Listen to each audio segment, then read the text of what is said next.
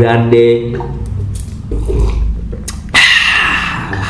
Partita Grande Partita antara derby, derby apa ya? Della Madonnina Eh, bukan Del Madonnina AC Milan sama Inter Milan. Oke. Derby di Italia. Oh, derby di Italia ya. Antara Inter Milan yang sekarang membutuhkan AC Milan di peringkat kedua dengan Juventus yang masih peringkatnya masih di bawah Inter Milan. Ini akan menjadi pertandingan yang sangat seru sekali antara kedua tim, apalagi juga ada sisi-sisi sejarah yang kurang mengenakan setelah 2006. Hmm. Oke, dan apalagi eh, legenda dari eh, Juventus itu ada Antonio Conte yang ini musim kedua dia di Inter Milan. Iya.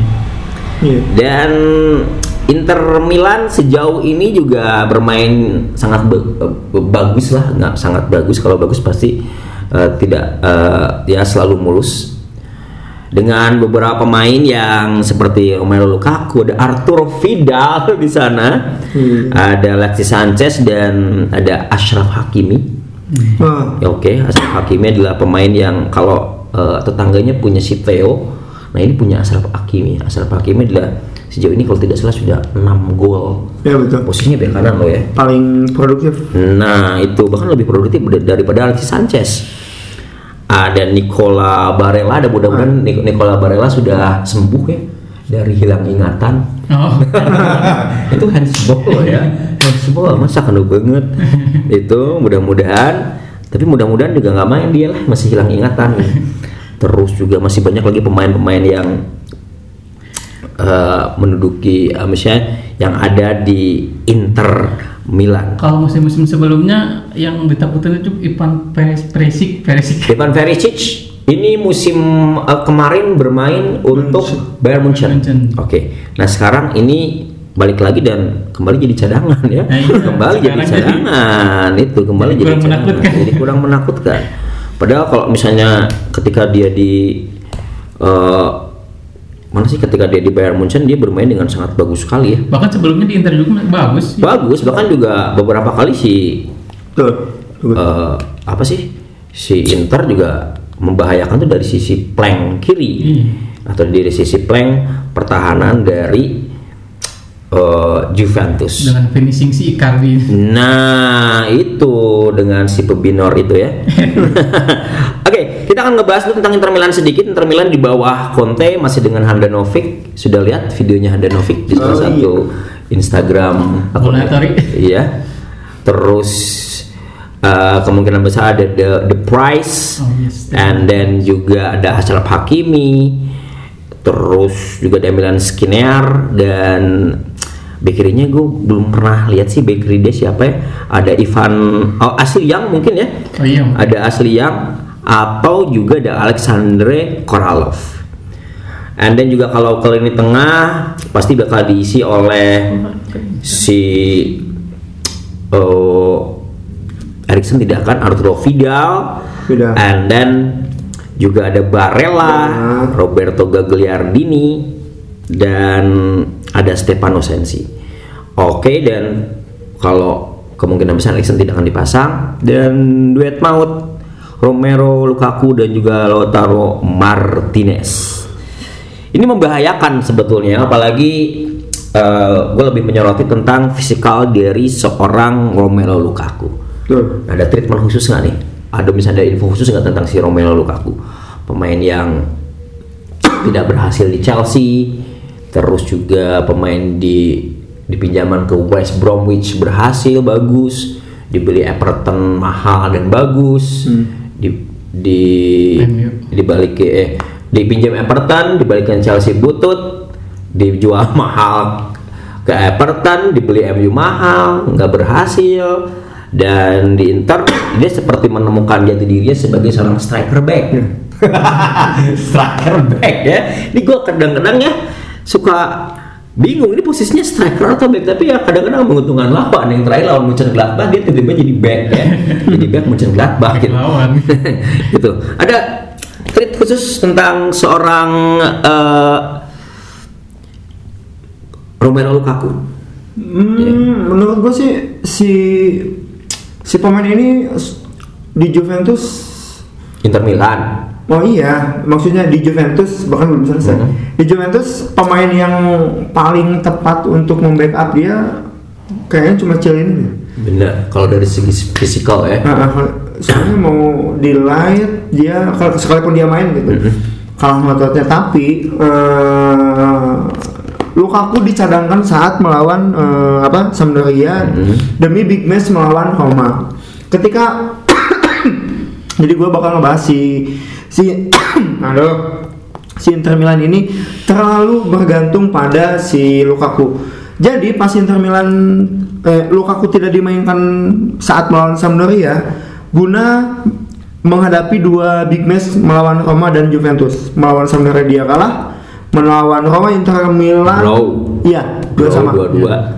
Maka sudah terlihat bahwa efeknya si Lukaku mungkin poin dari gua Juventus bisa mematikan Lukaku sepertinya eh, dua match Inter Milan melawan Sampdoria dan Roma sudah bisa ketebak Inter Milan tidak bisa mendapatkan hasil yang maksimal. Mungkin eh, balik lagi kuncinya adalah mematikan dari si Lukaku. Lukaku. Mm. Oke. Tapi kalau gue lebih menyoroti tentang peran dari eh, Lautaro Martinez nih, gimana Coach Iwel? Pemain yang eh, diminati oleh Barcelona Oh, ya, Barcelona awal musim kemarin juga Keren sih. Bagus. terus dengan gaya yang khas bersih-bersih gitu dari ujung kepala sampai ujung kaki.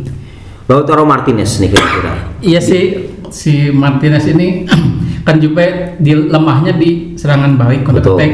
Nah si Martinez ini bisa bisa se- speednya juga kan Menyulitkan Ah, ya. bisa Ya, betul, menyulitkan bisa menyulitkan. dengan counter attack-nya itu. Tapi untuk dengan tidak adanya delete mungkin bisa matilah sama si Demiral kalau Demiral main. Oh, kalau Demiral Oh, iya, main. bener. Tapi bener. Demiral itu kekurangannya terlalu apa ya? Dia- Masih ada belum ini waktunya untuk di sliding atau enggak lah itu. Nah itu ya. timingnya, timingnya. Oke, Lautaro Martinez ini adalah kombinasi besar kecil ya. Maksudnya besarnya di si Lukaku, kecilnya di Martinez. Dan selain dua pemain ini ada satu pemain yang tadi yang gue sebutin dari awal adalah Ashraf Hakimi.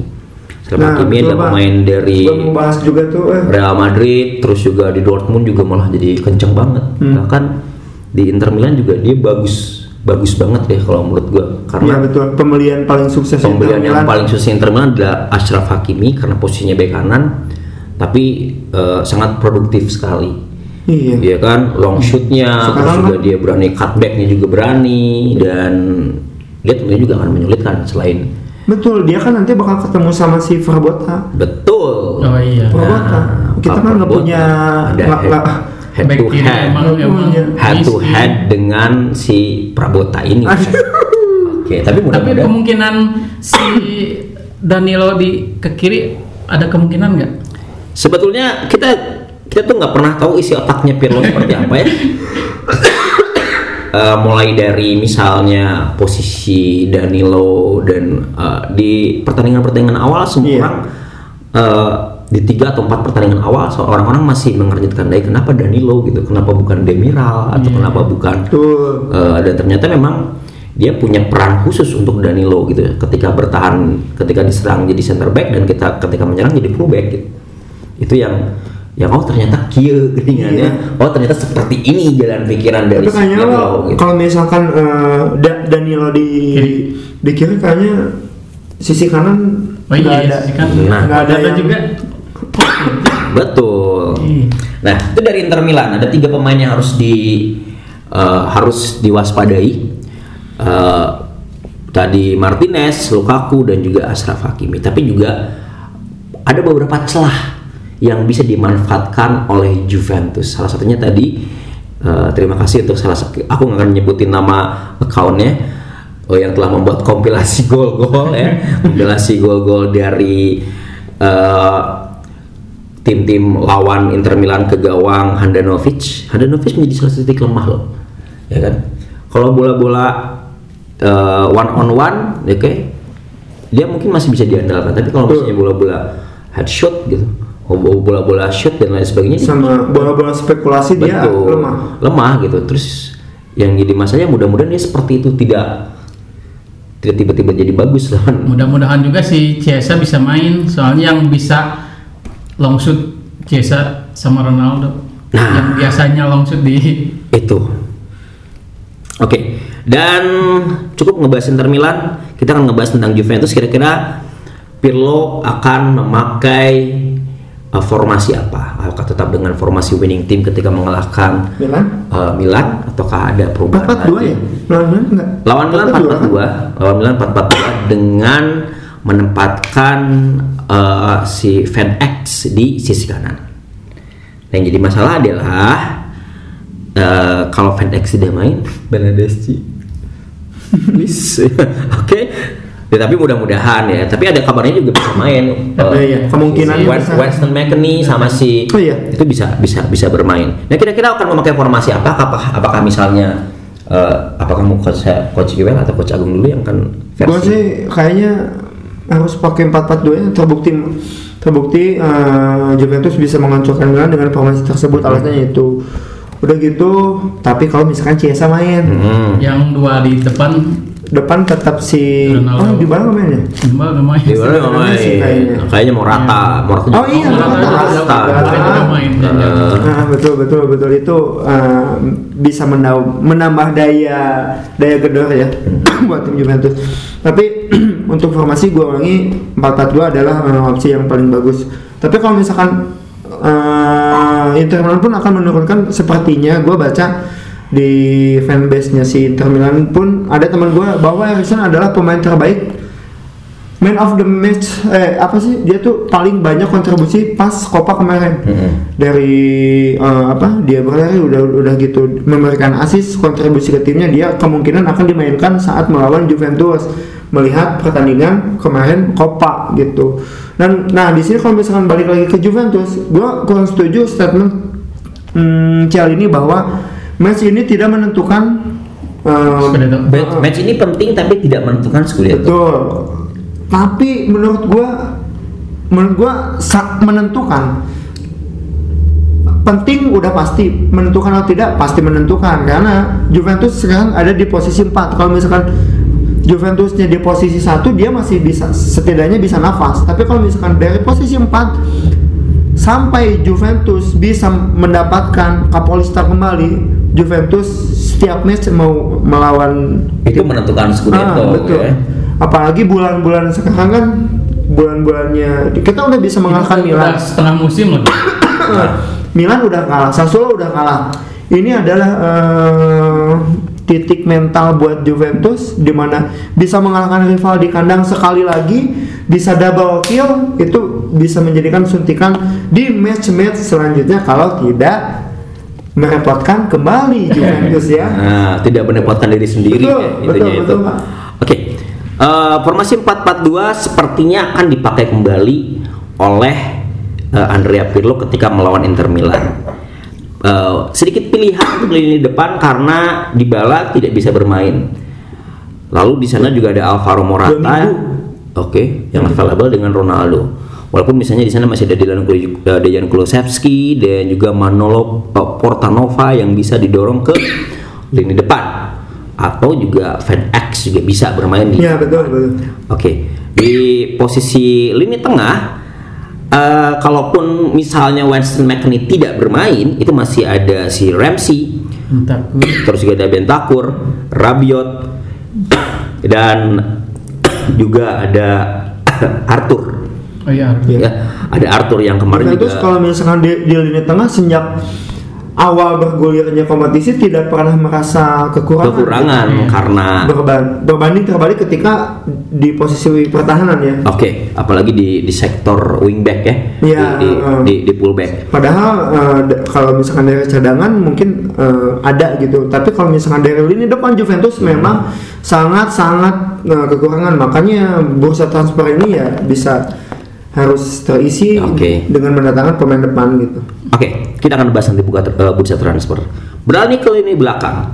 Lini belakang kalau misalnya kita bermain dengan formasi 4-4-2 ada ada Danilo di kanan. Terus juga satu tempat masih eh, pastinya milik dari Bonucci dan dua tempat lagi masih random. Kenapa gue bilang masih random? Ada kemungkinan besar Demiral akan dipasang menjadi partnernya Leo Bonucci dan Prabota dipinggirkan untuk Giorgio Chiellini ke posisi asalnya yaitu back kiri. Ya betul. Bisa terjadi kan ya? Bisa, Bisa. terjadi. Bisa terjadi karena sekali lagi walaupun dari segi speed sudah berkurang jauh, tetapi dari segi pengalaman mungkin ketika Ashraf Hakim oh, oh Celini euy. waduh, Celini ya, waduh gimana nih gue nih gitu. Eh, itu bisa terjadi gitu. Nah, Nah, gi- gimana kalau Ya, menurut coach? menurut gua ini mau diomongin tapi em- memang untuk Inter Milan dari sektor belakang gue sangat setuju eh, apa perpaduan dari empat pemain ini ya Oh. karena ada Danilo eh, udah gitu Demiral bisa nge-backup si siapa Argentina tuh Lautaro Lautaro Martinez Heeh, gitu. udah gitu untuk misalkan head to head Lukaku mungkin bisa diserahkan oh enggak kebalik Lukaku sama Demiral Bonucci sama si Martinez nah Hakimi bisa man to man sama si Celini. Ya ini Kalau kalau Celini ke Nah, kalau Celini di posisi back kiri, Iya, harusnya sih kalau misalkan gue jadi si Pirlo untuk Messi ini saja cewek ini bisa ditempatkan sebagai back kiri kembali. Mungkin Juventus eh, agak pincang ya eh, dari eh, nge-build up eh, serangan kalau misalkan dari sisi kiri. Eh, Oke. Kita bisa mengandalkan Danilo dari sektor kanan gitu. Nah, apakah misalnya kalaupun eh, si eh, Van X main atau Kulusevski main, apakah akan disimpan di kiri? Apakah misalnya X akan kembali ditempatkan di kiri? Maksudnya seperti ini, ketika ditempatkan di sisi penyerangan sebelah kiri, Nah, tujuannya adalah untuk merepotkan dari Ashraf Hakimi.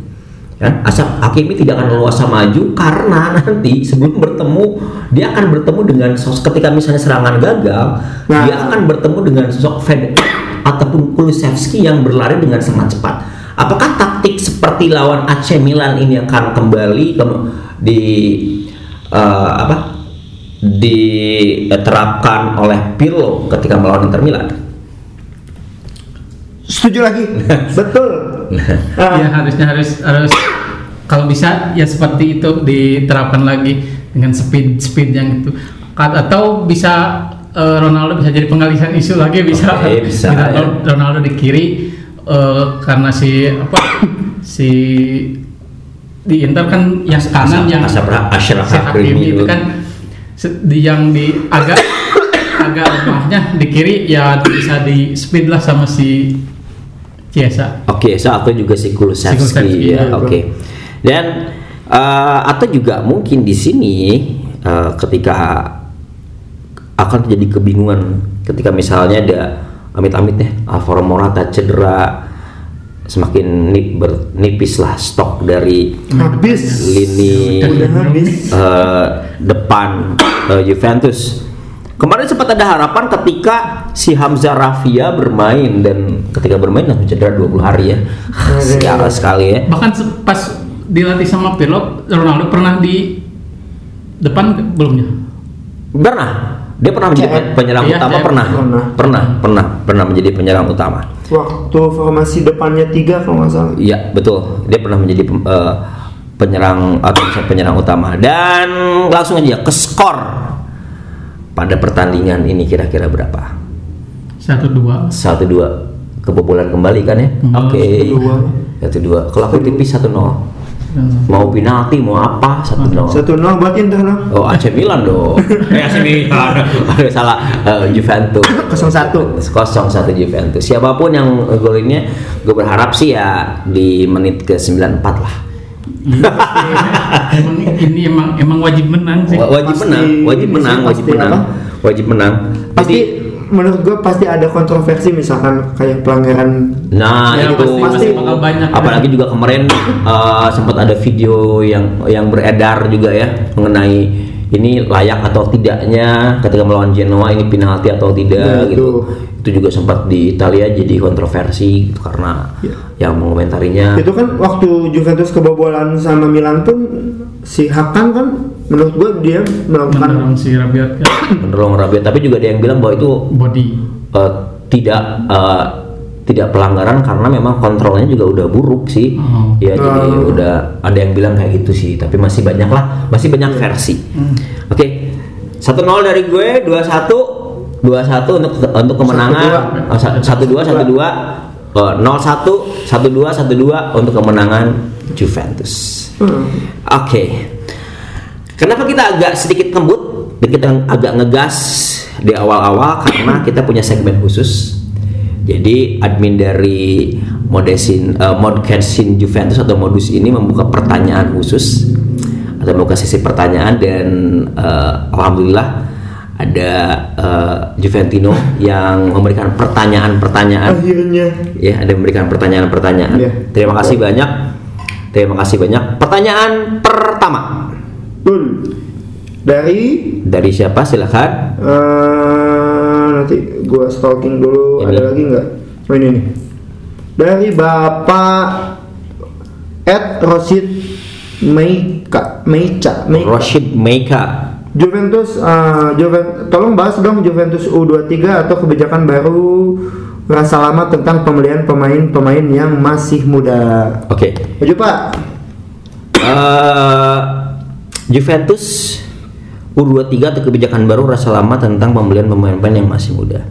Nah, Juventus Juventus adalah tim pertama dari eh, tim pertama Serie A yang mempunyai feeder ya, tim feeder membeli pemain eh, membeli klub Serie C dan mendapatkan pemain-pemain eh, eh, pemain-pemain muda ya, pemain-pemain muda. Oke, siap. Eh, pertanyaan Oh, Wah, siap. menempatkan pemain-pemain muda di Siap. sana. Dan sepertinya, sepertinya kalau kita flashback lagi, eh, kebijakan eh, baru rasa lama. Memang iya seperti itu. Kalau kita flashback kembali, legenda Juventus kebanyakan tidak berasal dari eh, akademinya kebanyakan. Iya. terhitung ada tiga lah kalau nggak salah Nah, Marcisio Isio terus juga masih ada beberapa pemain yang lain dan kebanyakan yang menjadi legenda Bu. iya Alessandro Del Piero itu adalah Bukan. Padova. Padova. Terus juga eh Papa maksudnya yang asli Italia. Oh, Terus juga Gianluigi Buffon adalah betul. Parma. Giorgio Cellini adalah Hmm. pemain Livorno. And then juga eh, Bonucci, Bonucci. adalah Inter Milan. gitu. Waduh. Nah, jadi kalau kalau gue bilang bahwa Juventus ini adalah eh, apa ya mempunyai mempunyai akademi yang bagus yang bisa berguna mengembangkan sepak bola Italia. Tapi untuk timnya sendiri mungkin karena standarnya ketinggian kali ya. Nah, betul, Pak. Jadi Juventus akademi ini seperti La Fabrica atau akademinya Real Madrid yang notabene hampir sama iya iya. Ya kan? Kayak notabene hampir sama. Pemain-pemain mudanya lebih berkembang di klub lain. Juan Mata. And then juga Alvaro Morata. Dani Ceballos. Dan masih banyak lagi. Dan ya itu tadi. Juventus banyak banyak berinvestasi di pemain muda. Iya. tujuannya? Gercep ya. oke gercep banget. Betul banget. Terbukti- dibanding dibanding pesaing-pesaingnya. betul terbukti dari Juventus udah ancang-ancang eh, buat prospek Ke depan. 4 sampai 5 Iya. tahun ke depan. Betul. Apalagi misalnya pemain-pemainnya juga kalau mulai gue bilang juga kemarin dia baru mem- baru eh, meresmikan pemain asal Nans usia 20 eh, Nans eh, di bawah usia 22 tahun pemain belakang. Lalu juga di sini ada selain Hamzah Rafia juga ada Felix Korea yang dibeli mahal dari Manchester City. Oh iya iya. And then juga ada jangan lupa ada Radu Dragusing juga. Ini pemain yang bagus sekali. posturnya bagus. Posturnya bagus. And then juga ada Dauda Peters dan pemain dengan nomor punggung 9 yang ditukar ya dari Barcelona B ditukar dengan salah satu rising star eh, dari uh, Juventus U23 juga. Dan ini kebijakan lama tapi baru emang iya seperti itu.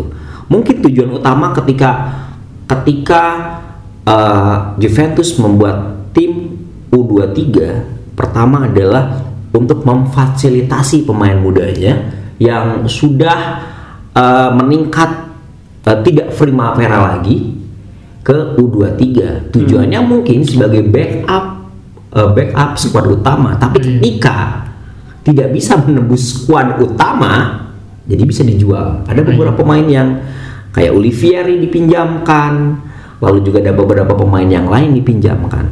Dan itu adalah kalau menurut gue ya eh, Juventus U23 yang eh, tujuannya seperti itu.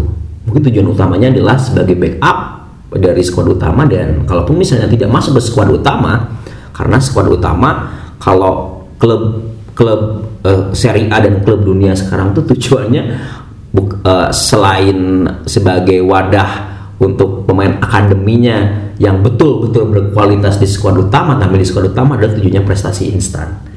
Ya kan? Apalagi Iya khusus khusus Itali mohon maaf nih buat penggemar Itali. Kalau menurut gue sampai saat ini belum ada pemain yang betul-betul bagus. Bisa dilihat dari tim nasionalnya. Ya kan? Di lini depan hanya ada Immobile, hanya ada Belotti hanya ada Caputo nggak ada pemain yang betul-betul bintang 5 ya? Iya. oke.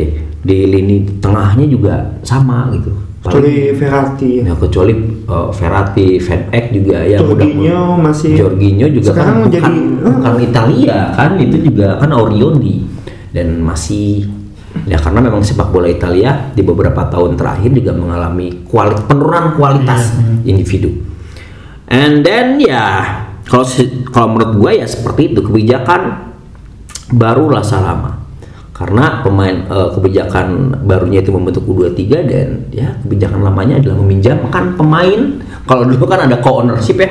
Kalau sekarang udah nggak dibolehin eh, meminjamkan pemain dan kalaupun misalnya tidak bisa memenuhi ekspektasi ya dijual Ya, menguntungkan juga menguntungkan juga dan seperti tradisi klub-klub besar di Eropa lainnya adalah Juventus suka sekali mempreteli eh, saingan-saingannya.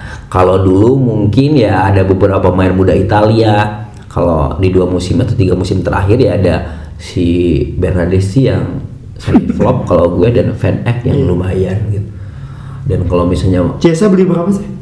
Jesa itu dipinjam dua musim, dipinjam dulu dua musim dan ya pasti Dibayar? bakal, bakal dibeli lah Iya. 50 juta kalau tidak salah. Oh iya, iya. Nah itu itu mudah-mudahan tidak puas karena kalau puas nanti eh, nggak akan nanya lagi. Oke next Ini ada lagi question. pertanyaan dari Ed RF Ari 8 Bernardeschi di Italia sama Bernardeschi di Juve Nah, beda gitu. beda. Ini bener kalau di Italia kan dia nomor 10 loh. Tuh. Kalau Uru nomor 10 loh. Ini kenapa nih? Coach. Gue dah di tipis ya. Oke. Eh, Bernardeschi di timnas sama Bernardeschi di Juve adalah hal yang pertama gue sorot adalah mentalitas dari pemain Hmm, setuju. yang di mana ini aduh ini pemain tuh bagus tapi nggak tahu kurang pede atau gimana ya di, bahkan timing umpannya juga Iya, kurang. eh, musim kemarin dia kan udah dikasih kesempatan banyak Banyak ya. banyak banyak banget Dari ketika tiga. Sarri mau Allegri, Betul. Sari bahkan juga ya begitulah. Namun dari musim ke musim sampai sekarang permainannya malah cenderung menurun.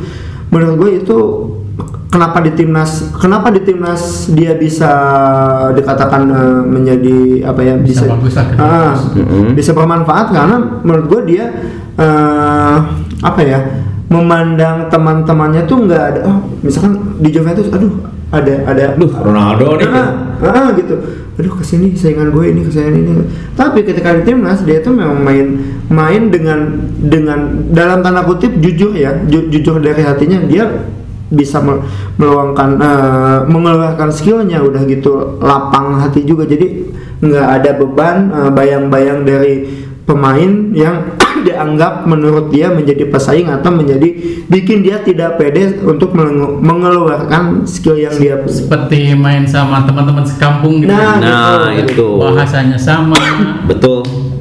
Tapi yang yang gue sorotin itu tadi.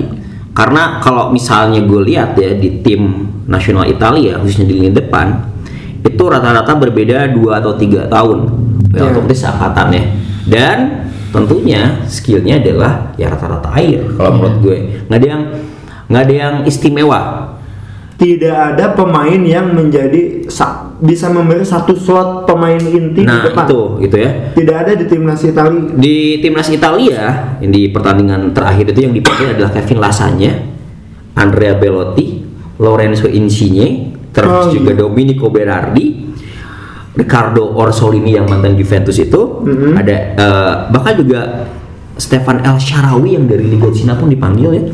And then juga ada Stefano oh, Stefano Okaka juga dipanggil loh. Ini kan maksudnya ketika seorang Stefano Okaka dan eh, Main mana? itu adalah pemain Udinese Oh.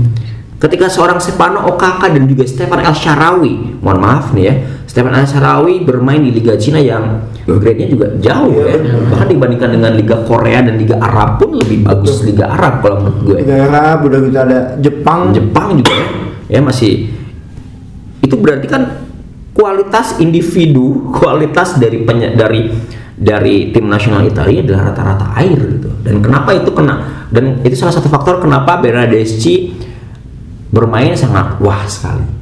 Terlihat sangat terlihat wah. terlihat sangat wah ketika bermain. Karena ya, ya. Pemain Italia Nah, teman-temannya ya seperti itu. nah kalau di Juventus ya karena memang me- lebih lebih ke mentality gitu. Iyalah. ketika ada pemain baru Kulusevski dan juga Cesa dia bermain dengan wah sekali gitu bahkan juga sebelum ada dua pemain ini Langsung main, aduh, Aduh, aduh, iya. susah tidur dari betul pakai koyo. betul Halo. langsung halu gitu kan bahkan juga sebelum ada dua pemain Nah, ini ya sebelum ada sebelum ada dua pemain ini pun dia kadang-kadang ah bahaya sekali ya maksudnya aduh gitu dengan harga 40 juta Iyalah. dengan kontribusi hanya 5 juta kan Bahkan banyak meme-memenya juga. Iya itu gitu Eh, terus juga ketika lawan Barcelona tiba-tiba dia Dia kesandung. di, nah atau kesandung atau apalah tiba-tiba Iya. ya lawan Pas Barcelona pas penalti. penalti kan juga gara-gara Bernardeschi Benar si kesandung kakinya sendiri. Nah, jatuh. Pasti Supati kayaknya. ya itu dan nah itulah itu mungkin faktornya lebih ke faktor mental bukan ke faktor skill karena kalau skill Iya. dia eh, nggak mungkin Juve membeli mahal kalau misalnya skill Iya. sosok Iya. ya Setidaknya skillnya dia bisa meng- mengimbangi Chiesa, Mm-mm. walaupun tidak dari speed ya. ya Eh, dari dribble menurut gua eh, bisa bisa agak-agak balance bahkan sama Kulusevski pun dia masih imbang tapi kalau misalkan gua nyorotin musim ini kemungkinan buat bersaing sama Chiesa atau Kulusevski Bernardeschi kayaknya bakal jauh ja- bukan bakal terlihat jauh tertinggal Nah, ya kecuali kalau misalnya segi mentalitinya diperbaiki. nah gitu Oke, next. Next ada si Juventini garis lucu ini ini Pak yang waktu podcast dulu gua mau mau collab Ada mau collab, ah, oke. mau collab cuman kita gue janjinya sama dia tuh jam 5 tapi jam 5 kan ah, ada studio di sananya sedang ada sesuatu Hmm. jadi dia udah habis waktu mungkin ya Mm-mm. Ah, ada titip pertanyaan ya. Gimana prospek pemain muda Juventus semisal Dragusin, Raffia, Frabotta dan lain-lain? Mohon ulas juga plan B Pirlo dalam menghadapi badai cedera dan Covid-nya. Sukses terus modus. Sehat-sehat Kang Agung dan kawan-kawan di Kota Garut. Terima kasih, terima kasih. terima Jadi kasih. dia double pertanyaan ya. Pertama Oke. gua, eh, menanya prospek pemain muda si Dragusin, Raffia, Prabota dan lain-lain dan ulas juga plan B Pirlo menghadapi badai cedera. Oke. Oke. Siapa yang akan jawab? Oke. Prospek pemain muda di sini yang gue catat adalah ada beberapa pemain muda yang sudah mengisi slot di tim utama Juventus. Seperti Manolo Fortanova, terus juga Gianluca Prabota, dan kalau di Liga Champion itu ada eh, si De- eh, Marco da Graca, pemain berusia 18 tahun. Ini ini semuanya ini kan siapa? Juventus base semua kan? Ya, ini Juventus Dragusin, Dragusin. Ya, eh, Nah, ya tentunya juga akademi. selain Dragusin ya, Iya, iya, U23. iya, Yang gue catat di sini ada beberapa pemain ya, yang pemain muda selain tadi eh, tiga pemain itu ada Alessandro Di Pardo, terus juga ada Giacomo Prioni yang musim lalu juga sudah dimainkan. Ada Nicola eh, Paigio, terus juga ada penjaga gawang asal Uruguay Franco Israel yang menjadi penjaga gawang nomor 4 ada pahlawan kemenangan dari Juventus eh, lawan Genoa. Beberapa hari yang lalu Iya. itu ada si Hamzah Rafia ada Dauda Ibrahim terus juga tadi ada bek kanan yang dipasang. Dari Brazil ada Wesley ada Ricardo Capellini Felix Korea yang tadi gue bilang dan juga ada Filippo Ranocchia. Ada beberapa pemain yang eh, kalau boleh gue bilang menjanjikan tapi belum cukup pantas bermain dan sebagai pilar Juventus.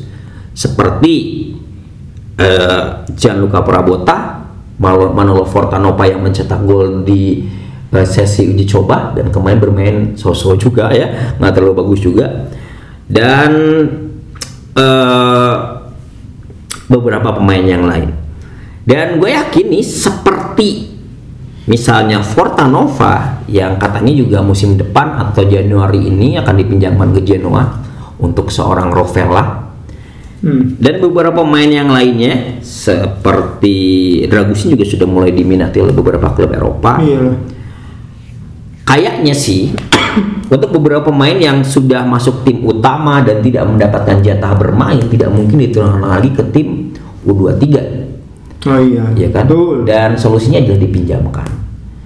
Solusi pemain muda yang yang tadi yang tadi gue sebutin itu ada beberapa kecuali memang beberapa eh, untuk posisi-posisi tertentu. Seperti Dragusin itu nggak akan mungkin dipinjamkan karena memang sangat diperlukan. Apalagi ya kondisinya badai cederanya juga luar biasa ya. Setelah season ini Nah, setelah season ini apakah misalnya uh, siapa yang dijual, apakah Demiral pergi, jadi pergi dan Dragusin masuk slotnya dan Betul, lain boleh, sebagainya, ya kan? Betul. Masih banyak. Tapi untuk pemain yang lainnya akan tetap dipertahankan. Uh, jadi di Italia ini ada, ada peraturan ketika ada pemain di, di bawah usia 23 tahun ini bisa two way kontrak.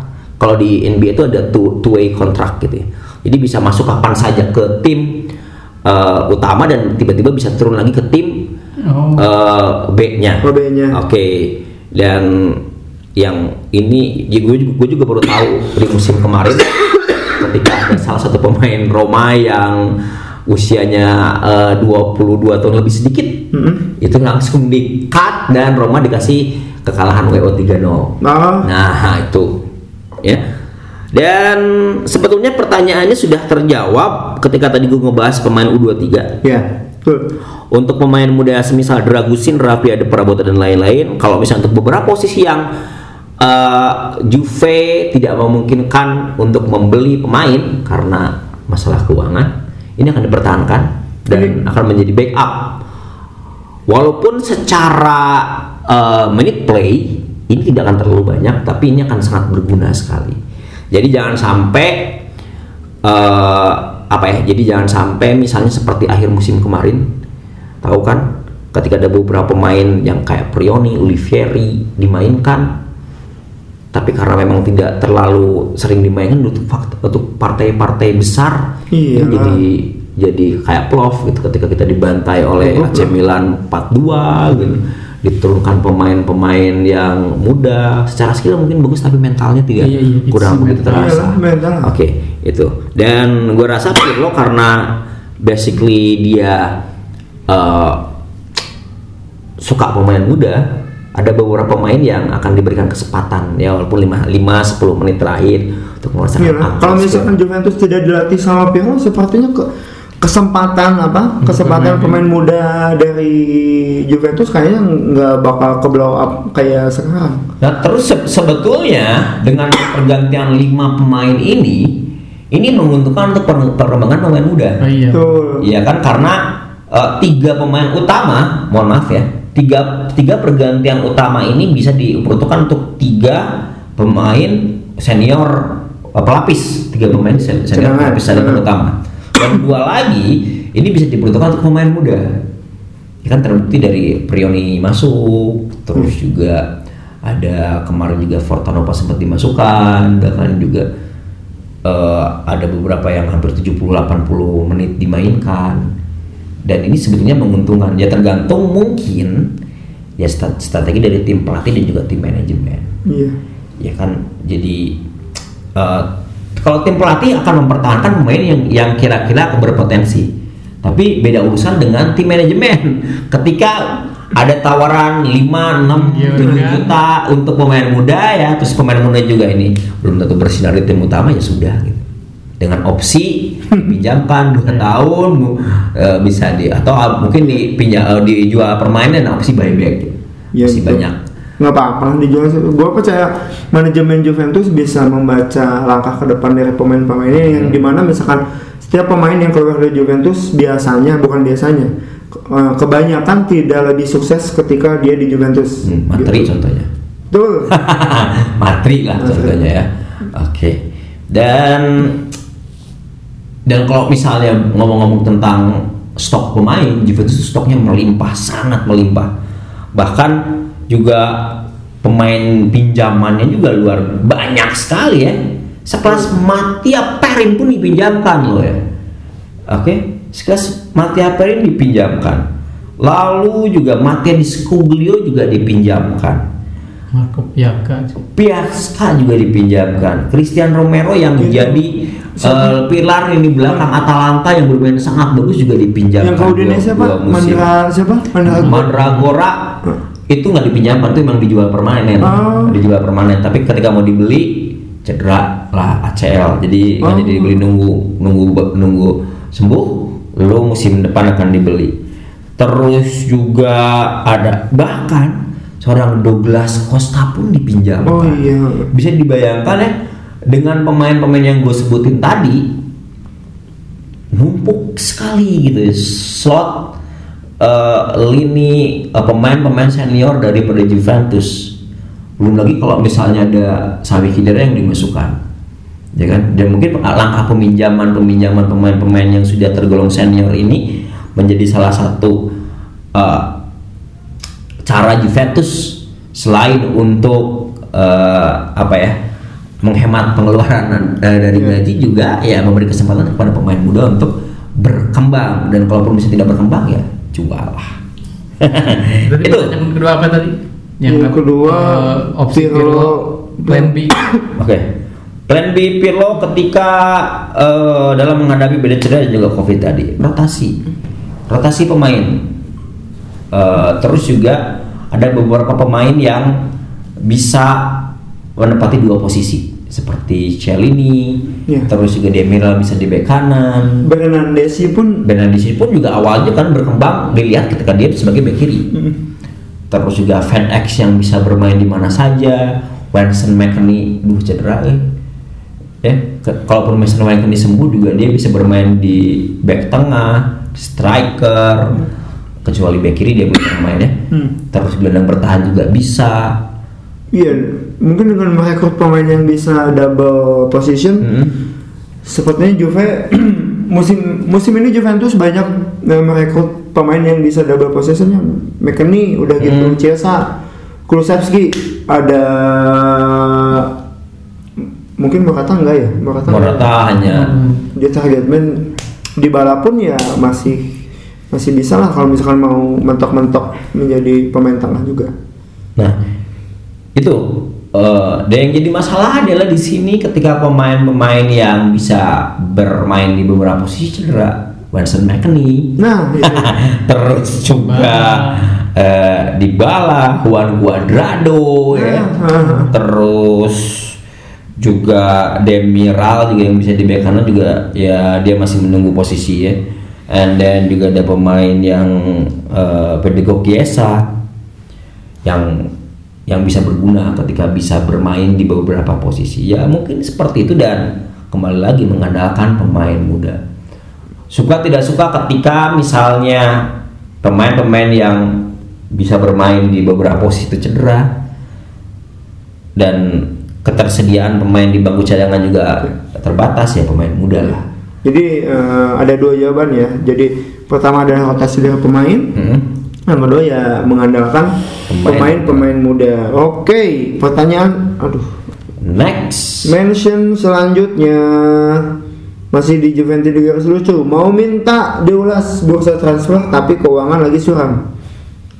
oke siapa nih Mau minta diulas bursa transfer. bursa transfer. Juventus khususnya ya. Nah, Eh, masalah gue sih ah, cara cara Juventus semusim sampai dua musim ke belakang atau ke depan pun opsi pembelian pinjaman langsung ah, opsi pinjaman di Juventus menebus untuk tahun-tahun selanjutnya menjadi ah, keputusan yang yang bagus dari Paratici untuk membeli si si pemain tersebut misalkan Ciesa atau McKennie udah gitu merata hampir kasusnya sama-sama sama-sama dipinjam dulu yang di mana kita sedang jang- iya yang di mana Juventus sedang mengalami bukan Juventus saja sih semuanya Hampir sedang mengalami dunia ya.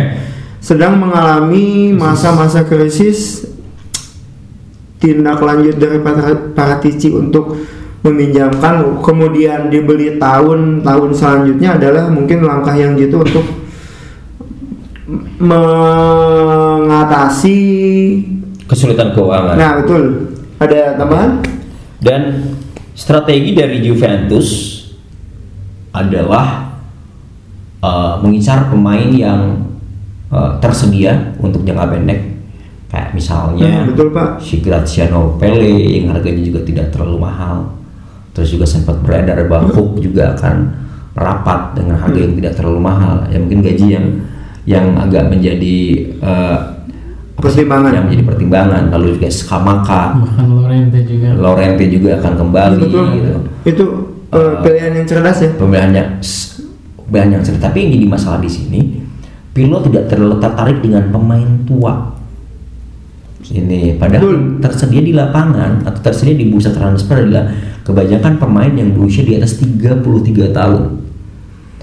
Uh, makanya uh, Juventus ini mencoba membuat uh, sebuah kesepakatan yang tidak terlalu banyak mengeluarkan uang seperti misalnya membeli pemain dari luar benua Eropa ya kan terakhir juga hanya 9 juta untuk pemain kelahiran Amerika Serikat yang akan dipinjamkan ke Benevento.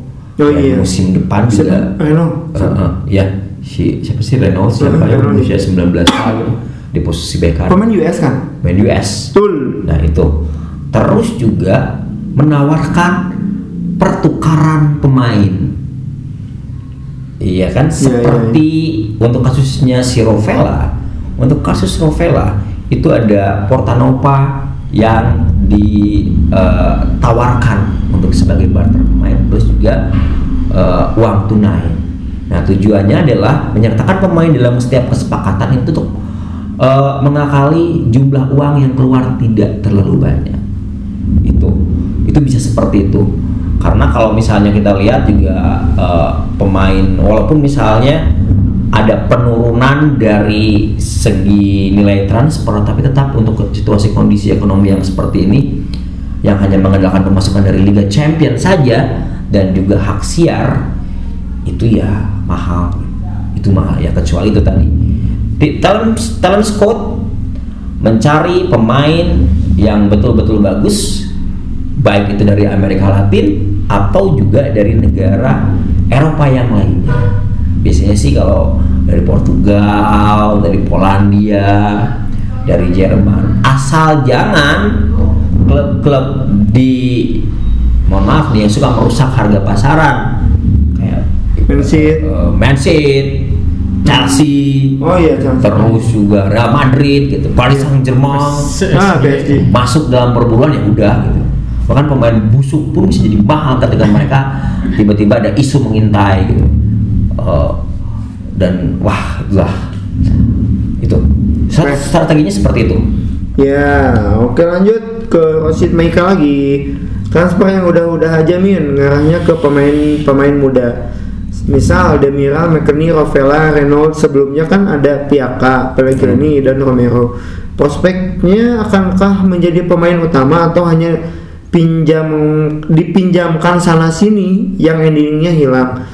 Coba sejenak jadi ahli terawang buat eh, terawang masa depan Kang. Mungkin di sini ada Demira, McKennie, Rovella dan Reno mungkin bisa dikasih penerawangan untuk Oke. masa depannya. Silakan, Mbak. Kalau menurut saya, menurut hasil penerawangan, hmm, kalau menurut kalau menurut saya, McKinney eh, akan menjadi pilar utama, Betul. akan menjadi pilar Nah, utama karena kontribusi kan? kontribusinya juga sangat luar biasa.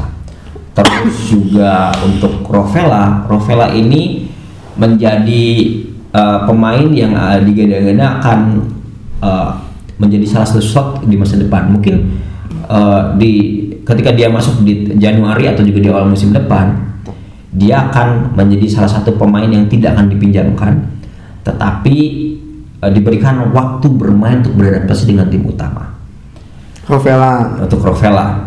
Berikutnya, Rino, Nah, kalau pemain ini eh, di posisi back kanan ini ada dua pemain senior yaitu ada si Danilo Dan- dan, juga Juan Cuadrado. Prospeknya adalah meskipun dia pemain bagus, usianya masih 19 tahun dia akan bermain di. Tim U23 terlebih oh, ya. Oke. U23 terlebih dahulu. Eh, tapi ini juga tergantung dari penampilannya di Benevento sekarang. Iya. kalau misalnya di musim ini dia bermain reguler dan bisa diandalkan mungkin dia akan menjadi salah satu eh, pemain yang eh, dimasukkan ke tim utama dengan membuat eh, Juan Cuadrado kembali ke posisi asalnya sebagai eh, plank kanan Posisi yang eh, dari semua eh, tubuh Juventus adalah posisi bek kanan ini adalah posisi yang rawang eh, eh, udah gitu bisa diincar sama pemain muda atau pemain yang siapa pun bisa masuk. Kita lihat Cuadra- si Cuadrado kan bukan dari posisi aslinya, udah Betul. gitu loh. Danilo ditempatkan di posisi bek kanan tidak tidak terlalu ah, tidak begitu maksimal. Di posisi ini adalah posisi yang sangat sangat eh, bisa dikatakan incaran semua Ah, ah, pemain gitu. gitu. Kita mau ke back tengah ada, back, back kiri masih Betul. Alexander kan masih ada. Kalau misalkan di pemain tengah banyak banget, banyak banget itu Rovella kan eh, PR-nya dia eh, gede banget ya untuk untuk mengalahkan dari pemain-pemain senior di Nah, ada. Rabiot, Arthur, Ramsey. bahkan juga uh, Ramsey, and then juga si siapa? Si Bentakur karena dia disebut-sebut sebagai next Bentakur itu. Iya. Walaupun ya udah mau musim ke berapa dia nggak Ya, masih gitu-gitu Ah, aja lah ya. ah. Nah, Oke. next. Siapa Selanjutnya ada ada ada ada ada. Oke, dari bursa transfer katanya juga Pellegrini akan ditarik lagi ya. Oh iya, bagus Pak. Pellegrini untuk mengisi posisi back kiri yang ya hanya Hmm. Men- perawatan. menurut gue itu eh, penarikan Pellegrini adalah eh, tindakan cerdas dari manajemen yang di mana Sa- Sandro sekalipun dia tidak cedera dia kurang optimal eh pas Dia tidak bermain seperti 3-4 tahun yang lalu ya. ya zaman zaman Bahkan pas- zaman zaman Allegri kan Oh, betul. bahkan bah- pas pas lawan Juve di Serie A dia kasih asis ke Sturaro Betul, dan Sturlo juga jadi eh, dan ya.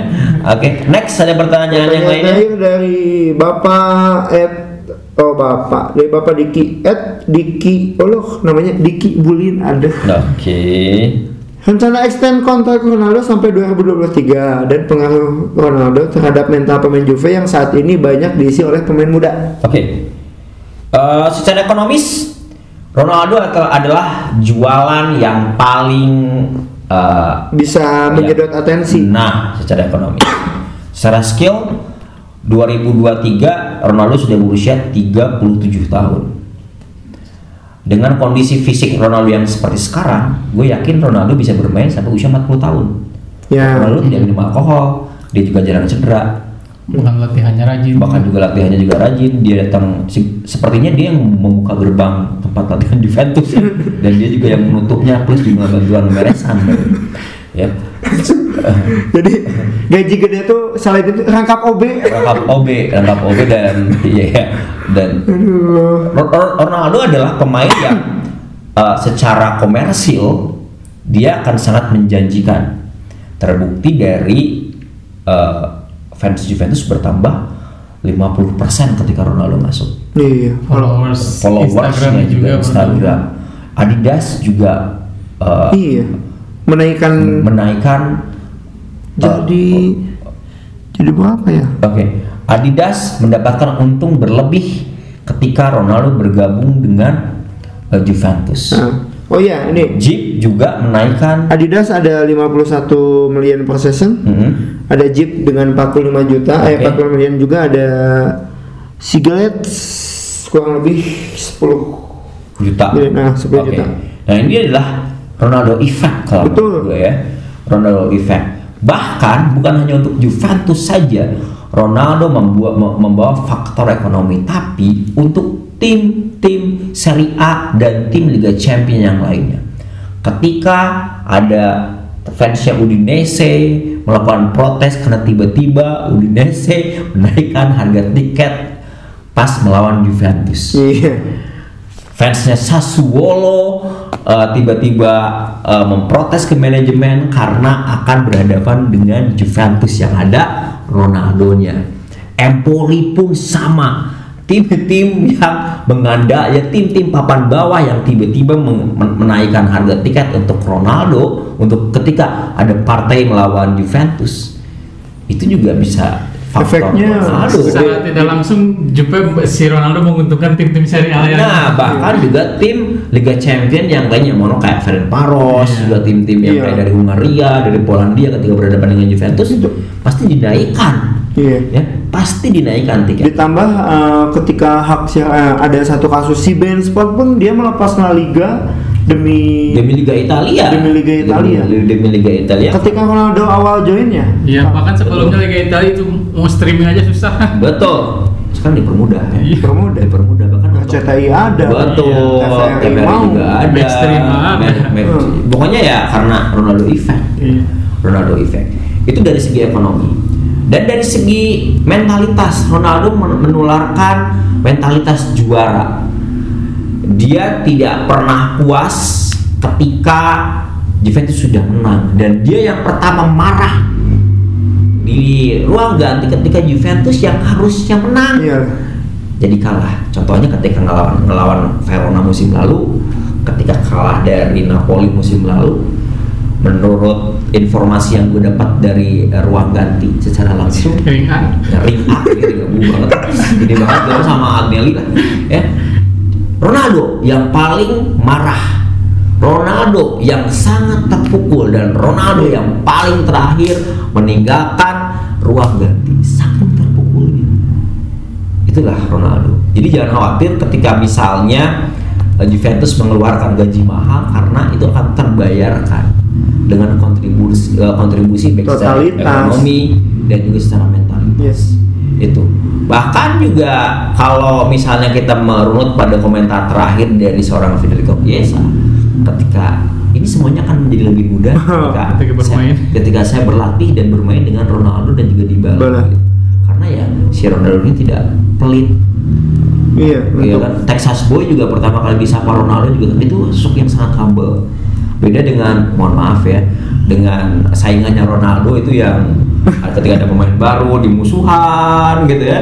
Ketika misalnya yang nggak nggak se Sejalan sama pemikiran. benar yang nggak frekuensi nggak ditanya. Tapi kalau Ronaldo dia sepertinya ya humble ke siapa pun gitu. Eh, dia bisa menyatukan tim walaupun dia bukan kapten kesebelasan dan dia belum lancar bahasa Italia tapi jangan khawatir secara mentalitas Ronaldo Iya. bisa diandalkan itu bahkan juga ketika dia ber, bertikai dengan presiden langsungnya dengan presiden Real Madrid bahkan juga dengan Oh, iya. pelatihnya dia tetap main tetap main bagus gitu tetap main bagus itu next Next, wah total pertanyaan mention ada 335. Namun ini karena waktu wow ya. kita cuma wow wow wow kita wow cuma wow. membacakan beberapa saja. Mungkin teman-teman di sini jangan pada kecewa nanti eh, gua eh, sama teman-teman bakal open question lagi Betul. di di tweet gua se- Mhm. selanjutnya. Mungkin kita ketemu lagi ketika Juventus akan melawan Napoli di betul di Supercoppa ya? di Supercoppa. Katanya Napoli minta ditunda lagi. Aduh, ini gua gak ngerti nih. Dan Si presiden. sama presiden karena memang kesibukannya KB bener seribu. Hmm. karena ini jadwalnya padat banget, semua padat bener. Dur gitu. ya. Betul. kan yang kemarin Napoli banding itu kan belum dijadwalin karena padatnya jadwal. Iya. Nah, ya, ya, Iya. aku nggak ngerti sih se- se- se- sebenarnya. ya. Cuman ya itu tadi eh, kadang-kadang ada beberapa karena memang yang dihadapi yang dihadapinya adalah Juventus ya. Iyalah. Jadi ada beberapa ada beberapa. Coba kalau misalnya Napoli berhadapan dengan Lazio gitu, pasti kemenangannya buat La- kalau menurut prediksi gue ya, pasti eh, bandingnya tidak akan di eh, tidak akan diterima dan tetap kemenangan buat Lazio. Tapi karena ini Juventus banyak faktor sebetulnya. Bahkan Jangan si si E- F IGC apa? FIGC itu Mungkin dapat hak siaran ntar kalau Napoli ketemu Juventus gitu. Nah bisa jadi Bisa jadi, sebetulnya ya. bisa, bisa Bisa jadi, jadi karena, gitu mungkin. karena sekali lagi kan ini Juventus yang mereka yang mereka yang mereka hadapi adalah panitia liga. Iya. yang mereka hadapi adalah panitia liga gitu. Semakin sulit buat Juventus untuk mendapatkan gelar ke 10 nya tuh. Betul gitu. Apalagi kalau uh, ada ada beberapa kalau misalnya kita melihat juga ada beberapa uh, ulasan VAR yang standar ganda gitu. Ketika Iya. Juventus dengan tackle yang sama tidak penalti gitu, tim yang lain dengan tackle yang sama penalti. Ketika misalnya uh, pelanggaran-pelanggaran bahkan juga ada beberapa keputusan VAR yang kontroversial dan cenderung merugikan Juventus. Itu. Uh, ada lagi yang akan ditambahkan untuk uh, podcast malam ini untuk para expert? Sepertinya untuk sudah coach? dulu aja ya Oke. kali ya. Oke. Dan Nah, terima kasih banyak sekali lagi untuk uh, para Juventino seluruh dunia yang sudah mendengarkan kita dan terima kasih juga sudah memberikan pertanyaan dan sekali lagi yang harus digaris bawah di sini jangan pernah puas karena kalau puas tidak akan nanya lagi dong ya. Betul. Jadi kita akan uh, menantikan lagi pertanyaan-pertanyaan kita berdiskusi lah. Iya. Kita berdiskusi. Kita juga, gue juga kan tadi bilang, ah kita jawab dengan keterbatasan kita Betul gitu. sekali dan kalaupun misal ini juga bisa jadi nambah wawasan buat eh, kita ya yang tadinya kita tidak baca jadi baca lagi yang tadinya kita hanya melihat sesuai dengan apa yang kita ingat jadi membuka lagi gitu ya source lain- lainnya tentang eh, Juventus dan tentunya eh, akankah Juventus menjadi raja di Milan dan yang lainnya ngontrak Nah, Jadi kita dong. akan menjadi saksi ya. Jadi lah. dengan uh, prediksi yang tadi tipis-tipis 1 2 1 2 dan 1 0. And finally we have to go. Dan akhirnya kita harus pamit sekarang. Terima kasih banyak untuk uh, semua Juventino seluruh dunia yang sudah mendengarkan kita. Kita ketemu lagi di modus edisi yang lainnya. Oke. Dan tentunya juga doakan kita tetap sehat. Yuk. Dan kita juga akan selalu mendoakan para Juventino seluruh dunia juga akan uh, tetap sehat. Oke, So, ada saya Tiga Aprilia pamit. Agung Janghit pamit. Iya. Fino Alamine Barca Juventus